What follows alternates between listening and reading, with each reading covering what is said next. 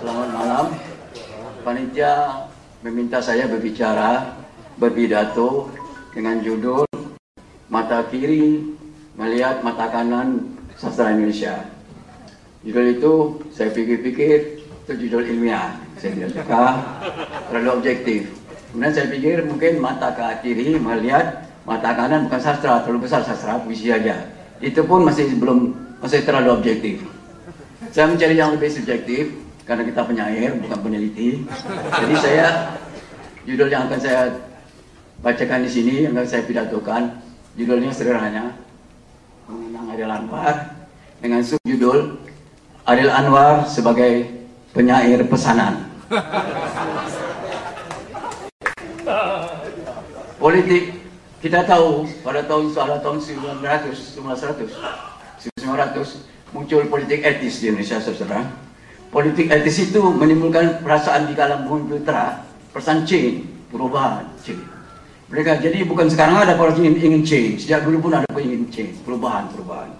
Yang diterapkan eh, perubahan ini bersemangat dan akan kemudian dengan perubahan ini muncullah berbagai-bagai upaya antara lain beradanya organisasi-organisasi organisasi seperti Serikat Dagang Islam, eh, Islam Budi Utomo, semua itu adalah organisasi yang membuat, yang membangkitkan semangat nasional yang kelak akan mengantarkan kita kepada Republik Indonesia Merdeka. Di dalam kehidupan perbusian, semangat pembaruan ini tercerminkan dalam upaya dalam upaya oh ini upaya liar banget nih.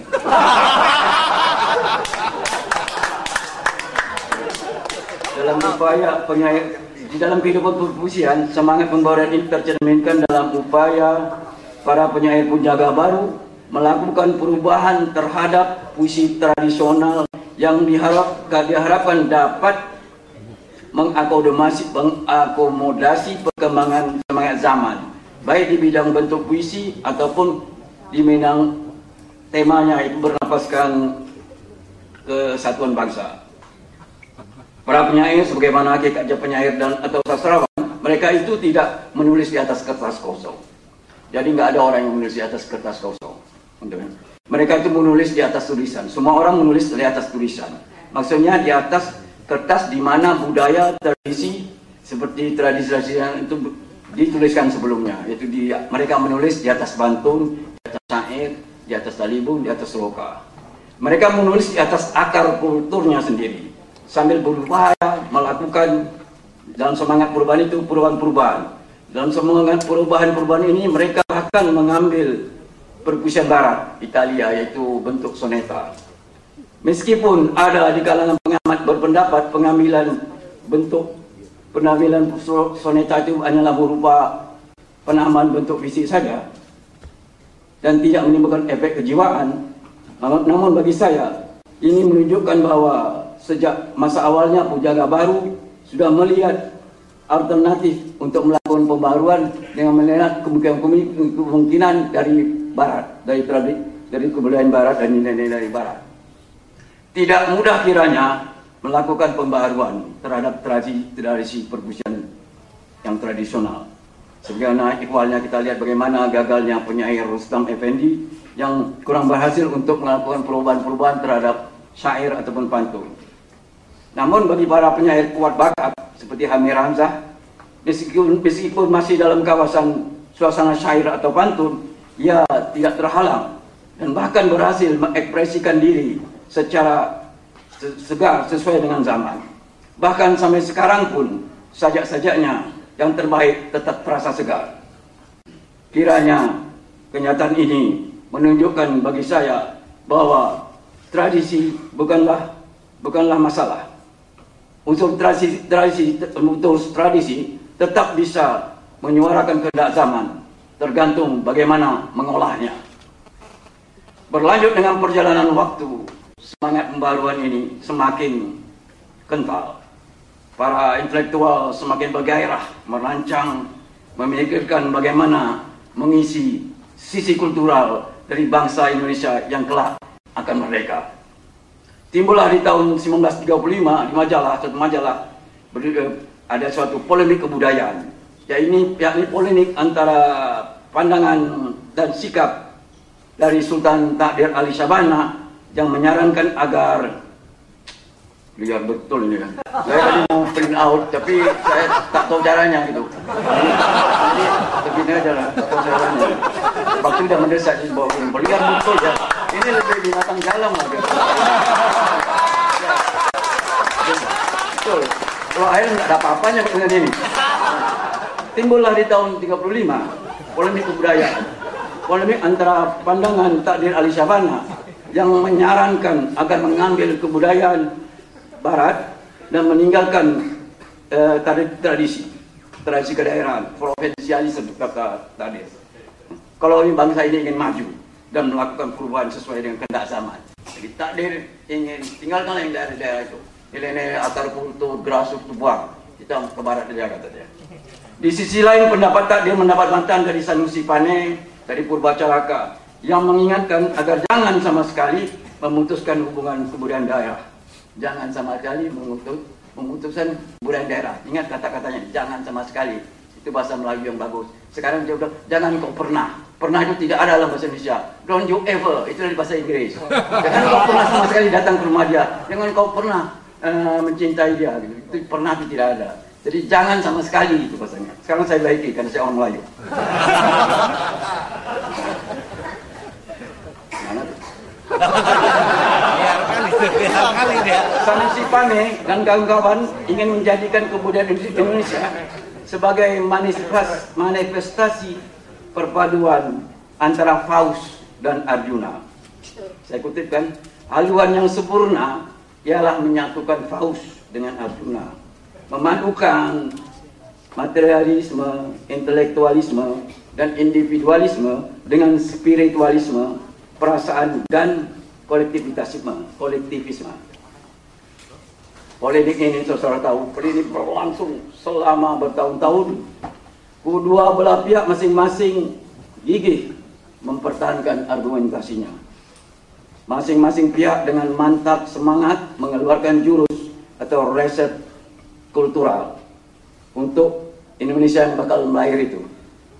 Namun betapapun hebatnya argumentasi yang dipaparkan dari kedua belah pihak, tetaplah ia hanya merupakan mimpi sebagai angan-angan, sebagai harapan.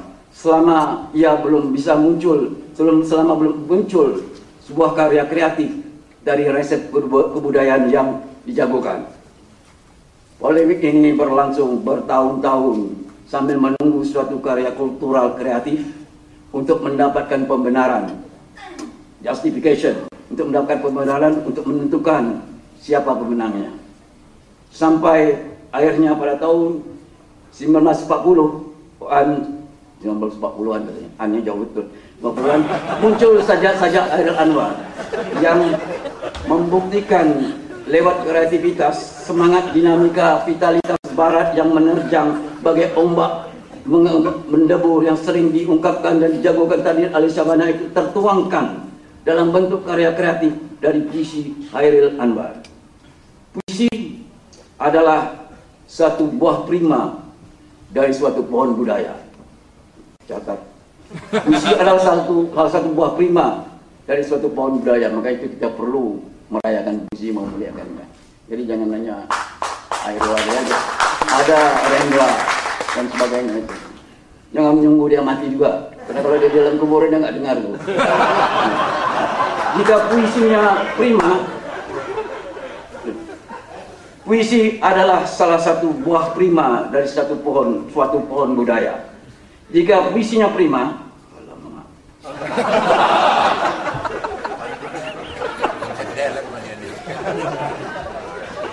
jika puisinya prima, maka maka budaya yang menghasilkannya dianggap prima juga. Puisi Haril dengan energi, vitalitas serta sikap individualisme barat membuktikan pohon budaya barat yang akan di, yang diidam-idamkan takdir Ali Samana itu bisa sukses ditanamkan di Indonesia. Karya Haril memberikan kemenangan pada takdir Ali Sabana. Perjuangan takdir bertahun-tahun sejak Pujaga Baru dimenangkan lewat generasi sastra berikutnya, yaitu generasi angkatan 45, yaitu Air Anwar. Sejak zaman Pujaga Baru, takdir telah memiliki resep yang diambilnya dari barat. Sayangnya, takdir bukan koki handal.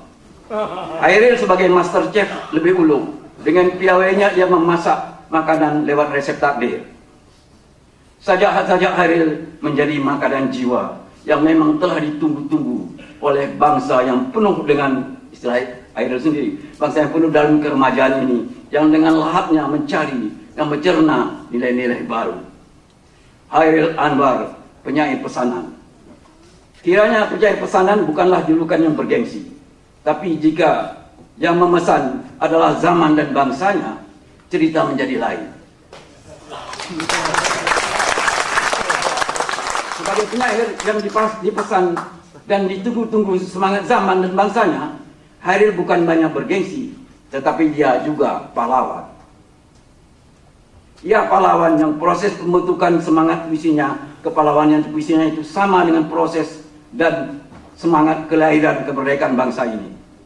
Suatu proses yang bermula sekitar Pujangga Baru dengan dengan ayahnya Tadir Ali Syabana yang sampai ke zaman revolusi fisik. Kita tahu proses kemerdekaan ini adalah sama dengan proses Pujangga Baru. Budi Utomo didirikan kemudian banyak beberapa beberapa tahun kemudian muncul Pujaga Pra, Pujaga Baru, kemudian muncul Pujaga Baru. Mereka ini semuanya berjuang bukan hanya untuk puisi tetapi untuk memberikan kesatuan kebangsa, kebangsaan. Kita ingat bagaimana Muhammad Yamin. Muhammad Yamin itu dia mula-mula kebangsaannya hanya sekitar Sumatera Barat. Ya, dia bagi tanah airnya itu Minangkabau, kemudian dia bikin saja tanah airnya itu Sumatera, kemudian berubah lagi tanah airnya Indonesia. Dan Muhammad Yamin inilah konseptor dari uh, salah satu konseptor dari Sumpah Pemuda. Dan harus ingat lagi saya berulang mengatakan, Sumpah Pemuda adalah sebuah visi. Karena segala apa pun di dalam Sumpah Pemuda itu adalah imajinasi. Dan Anda tahu imajinasi adalah denyut debar jantung daripada puisi. Semua yang dikatakan dalam semaju Sumpah Pemuda seperti kami pemuda-pemudi Indonesia berbangsa satu. Pemuda-pemudi Indonesia berbangsa satu belum ada, pemuda-pemudi Indonesia belum ada. Baru imajinasi. Berbangsa satu baru juga imunisasi. Baru yang adalah bangsa-bangsa, suku bangsa Yong Ambon, Yong Sumatera, Yong Celebes dan sebagainya. Dan bangsa Pemomoguli pun belum ada. bangsa belum ada. Yang ada bangsa yang berada di Nusantara pun belum ada yang adalah Netherlands Indi. Ya. Dan menjadi ada Bumi Petra. Nah semua itu adalah puisi. Berbahasa satu bahasa Indonesia juga belum ada. Yang ada baru bahasa Melayu yang lima perangka. Jadi belum ada. Segala yang belum ada itu sudah diyakini ada di dalam sajak dalam yang namanya Sumpah Muda. Bangsa ini diciptakan oleh sajak pemuda dan hendaknya anda berbangga bahwa bangsa ini diciptakan oleh puisi. Tapi anehnya zaman berjalan, orang kurang menghargai kepenyairan. Hanya orang dihargai kalau dia bergerak dalam dalam suatu yang di luar puisi. Kalau dia sibuk ke sana kemari aktivis sosial, nah, itu lebih dikenang daripada puisinya sendiri. Nah, itu saya kira suatu hal yang salah yang kurang tepat. Hairil adalah pahlawan karena perpuisiannya. Bukan karena dia ikut serta ke sana kemari berjuang di tahun 45. Dia memang melakukan perjuangan, tapi itu biasa-biasa saja. Tidak menyebabkan dia jadi pahlawan. Dia menulis kata, Bung, ayo Bung. Dalam satu poster perjuangan yang apa melukis, dia yang menulis kata, Bung, ayo Bung. Tapi itu tidak terlalu apa-apa, tidak uh, tidak menyebabkan dia jadi pahlawan. Yang menyebabkan dia jadi pahlawan kepolisiannya itu, karena zaman memesan dia. Nah ini dia, mati lagi.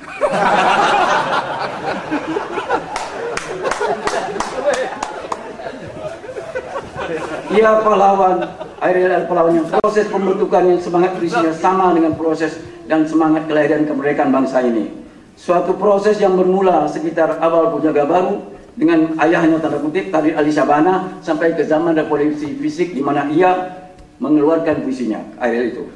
Dan sebagai pahlawan kita tahu segala kesalahannya bisa dimaafkan.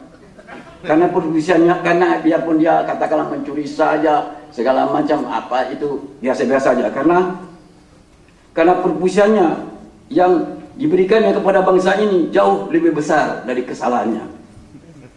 Di samping pahlawan Hairi telah menjadi ikon, menjadi lambang atau tanda bahasa. Sebutlah Hairi kepada lapisan masyarakat umum akan lebih uh, sebutlah Hairi kepada lapisan masyarakat yang berpendidikan, maka orang tahu yang dimasukkan adalah puisi modern. Mungkin kiranya jika kita sebut nama Alamak mungkin kecil ya. Mungkin kiranya jika kita sebut nama penyair lain yang tak kalah yang tak kalah bagus sajanya. Jadi kalau kita sebut nama penyair lain yang tak kalah bagus sajanya dibanding dengan Hairil, masyarakat umum akan lebih mengingat bukan kepada kepenyairan dari orang yang kita sebut, tapi lebih mengingat apa aktivitasnya, apa kehebatannya, keberaniannya, demo-demonya, apa-apanya. Kalau Hairil tidak ingat saja kan. Karena familiaritas namanya itulah, karena familiaritas namanya itulah di kalangan masyarakat luas, Hairil bisa menjadi bahasa untuk mempermudah kita mengkomunikasikan puisi ke masyarakat dalam upaya perluasan apresiasi puisi. Itulah sebabnya saya hadir di sini untuk supaya menggunakan Hairil sebagai alat politik kita. Berjalanlah politik Hairil. Dengan menggunakan Hairil itulah bahasa yang paling baik untuk mengkomunikasikan puisi Indonesia kepada masyarakat luas, kepada pejabat, kepada orang-orang sedang-sedang aja, orang-orang pendidikan biasa gitu. Jadi kita harus memakai Hairil sebagai bahan politik. Itu politik kepenyairan itu sendiri. Bukan politik partai yang segalinya yang mudah jatuh kepada korupsi. Nanti dulu, mana dia? Sensitif nih gila nih. Nanti kan, gila loh. Saya heran, saya aduh nyesal banget. Ritmenya jatuh, itu ritme saya bicara, saya, saya perhitungan itu. Ritme itu, aduh, saya kan penyanyi, jadi ritme itu saya jaga.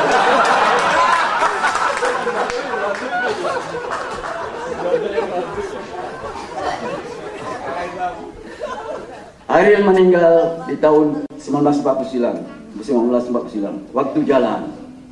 Dan Ariel sudah tidak tahu lagi apa nasib waktu.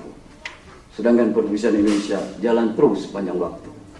Sekitar 20 tahun setelah meninggalnya Hairil, para penyair kembali terpesona pada nilai-nilai lokal, pada grassroots, pada kedaerahan, nilai timur, nilai-nilai akar daerah tanpa melecehkan barat. Mereka menggali dan memanfaatkan akar tradisi masing-masing untuk menciptakan puisi.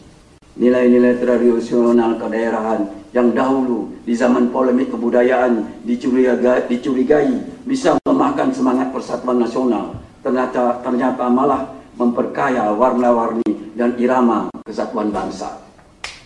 Kesegaran kreatif yang baru bermunculan, yang asal muasalnya napasnya, asal muasal napasnya bisa dicari pada semangat dan riset kultural dari mereka yang mengcounter takdir dalam dalam polemik kebudayaan itu. Jadi orang-orang seperti Sanusi Pane, Purbacaraka dan lain-lain.